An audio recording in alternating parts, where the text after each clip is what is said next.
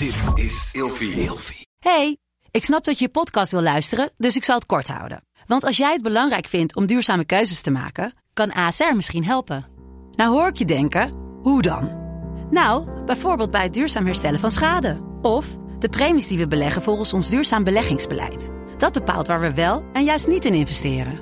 Wil je meer weten over welke duurzame keuzes ASR maakt? Ga dan naar asr.nl slash duurzame keuzes. ASR doet het.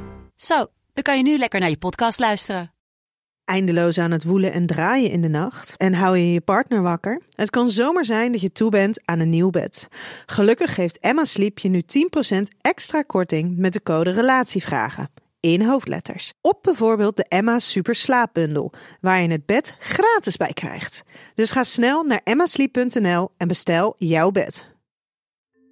Hallo, ik ben Glenn Helberg. Ik heb mijn leven ingevuld met psychiater zijn. Vandaag beantwoord ik een relatievraag. Ik wil erbij vertellen dat de mens fundamenteel relationeel is. Het gaat altijd over interactie.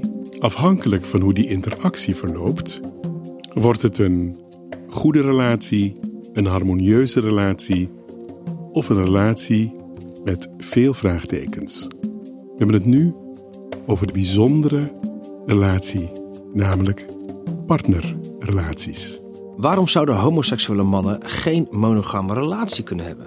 In de eerste plaats is het een aanname, maar waarom zouden ze eigenlijk een monogame relatie moeten hebben? Wie zegt dat dat moet? Dat is in eerste instantie mijn vraag.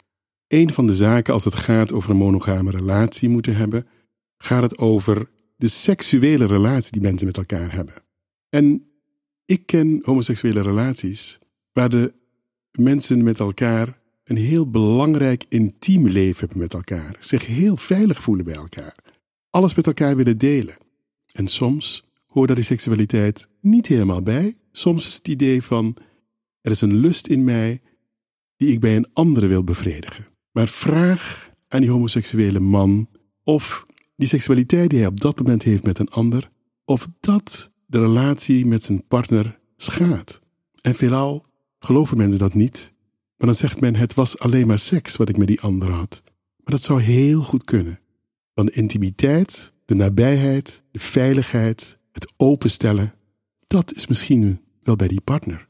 Dus bij zo'n vraag moeten we ons heel goed afvragen: wat is dat? Hoeveel mensen zijn niet ongelukkig in een monogame relatie, omdat men niet goed weet wat de eigen seksualiteit is, wat de behoeftes zijn die je hebt. En doordat die seksualiteit frustreert, kan de nabijheid, de liefde, de openheid ook verloren gaan. En dan zie je dat mensen naast elkaar leven en stilzwijgend met elkaar leven, ook geen seks meer met elkaar hebben, omdat ze zich gevangen voelen. Misschien zijn homoseksuele relaties relaties die we goed moeten bestuderen om te zien hoe je als je elkaar gevonden hebt en je heel voelt met die ander, dat het niet alleen betekent seks, maar het betekent hoe delen we intimiteit, hoe zijn we open naar elkaar, hoe voelen we nabijheid. Ja, interessante vraag. Waar we heel goed over na moeten denken. We zouden alle ideeën over relaties overboord moeten gooien, naast elkaar zetten en kijken wat werkt er in relaties. Met de code RELATIEVRAGEN in hoofdletters krijg je 10% korting bovenop de 50% korting die je nu krijgt op het bed dat ik bijvoorbeeld heb. Dus ga snel naar emmasleep.nl en bestel jouw bed.